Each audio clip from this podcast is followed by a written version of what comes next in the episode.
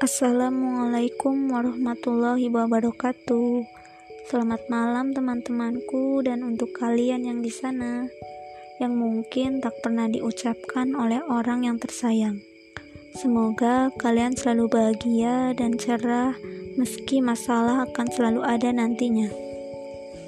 Meskipun mata belum pernah bertemu, semoga suara ini bisa sampai ke seluruh penjuru. Saya Malia Rahma yang sedang belajar merakit kata menjadi sajak yang berirama. Di sini saya akan berbicara tentang cara hidup bahagia. Zaman sekarang banyak orang yang bingung dalam menentukan bahagianya, hingga rela menghabiskan uang beratus juta hanya untuk mencari apa itu bahagia. Entah bahagia apa yang mereka cari, hingga tak puas sampai ke hati. Itulah manusia. Sesungguhnya yang selalu mencari dan mencari apa itu bahagia. Bagi saya, bahagia cukup dengan dua kata. Kata yang pertama adalah bersyukur. Kenapa bisa? Karena dengan kita bersyukur, hati akan merasa tenang dan damai. Bahwa bahagia tidak harus selalu bersama pasangan atau memiliki uang yang berlimpah Cukup kita berterima kasih atas segala anugerahnya, kita dapat merasakan kebahagiaan itu. Contoh hal lainnya adalah anak kos pas di akhir bulan, yang belum ada kiriman dari orang tua, hingga suatu saat datang temannya membawa makanan karena habis ada acara di rumahnya. Dengan begitu pun kita bahagia atas yang diberikan dengan mensyukurinya. Sungguh sesimpel itu bahagia. Dan untukmu yang belum mendapatkan apa arti bahagia, cobalah untuk buka hatimu dan tanyakan pada dirimu juga.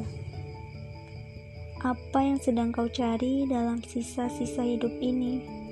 Jangan menunggu bahagia dulu baru bersyukur, tetapi bersyukurlah maka kita akan bahagia.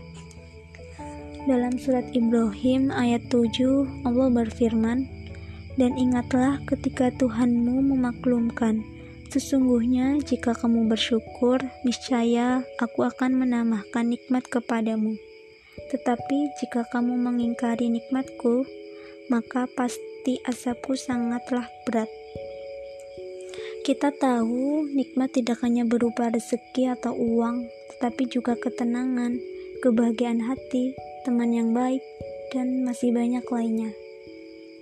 Lalu kebahagiaan kedua adalah atau kata yang kedua adalah memaafkan.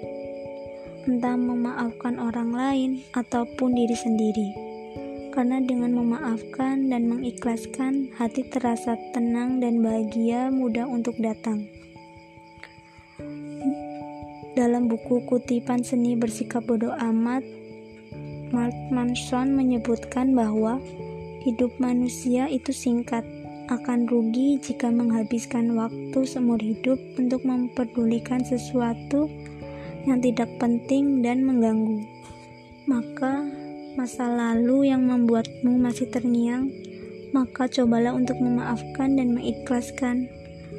Semoga bahagiamu akan selalu datang. Amin. Lalu manfaat dari memaafkan dalam kesehatan pun ada seperti menurunkan tekanan darah, mengurangi gejala depresi, mempertahankan hubungan baik antar kedua pihak, memberikan ketenangan pikiran, dan membantu mengendalikan emosi. Sebelum saya tutup, saya memiliki pesan untuk kalian. Jika tidak bisa tersenyum karena bahagia, Setidaknya berbahagialah karena masih bisa tersenyum. Cukup itu yang saya sampaikan. Salam literasi, saya Amalia Rahma. Wassalamualaikum warahmatullahi wabarakatuh.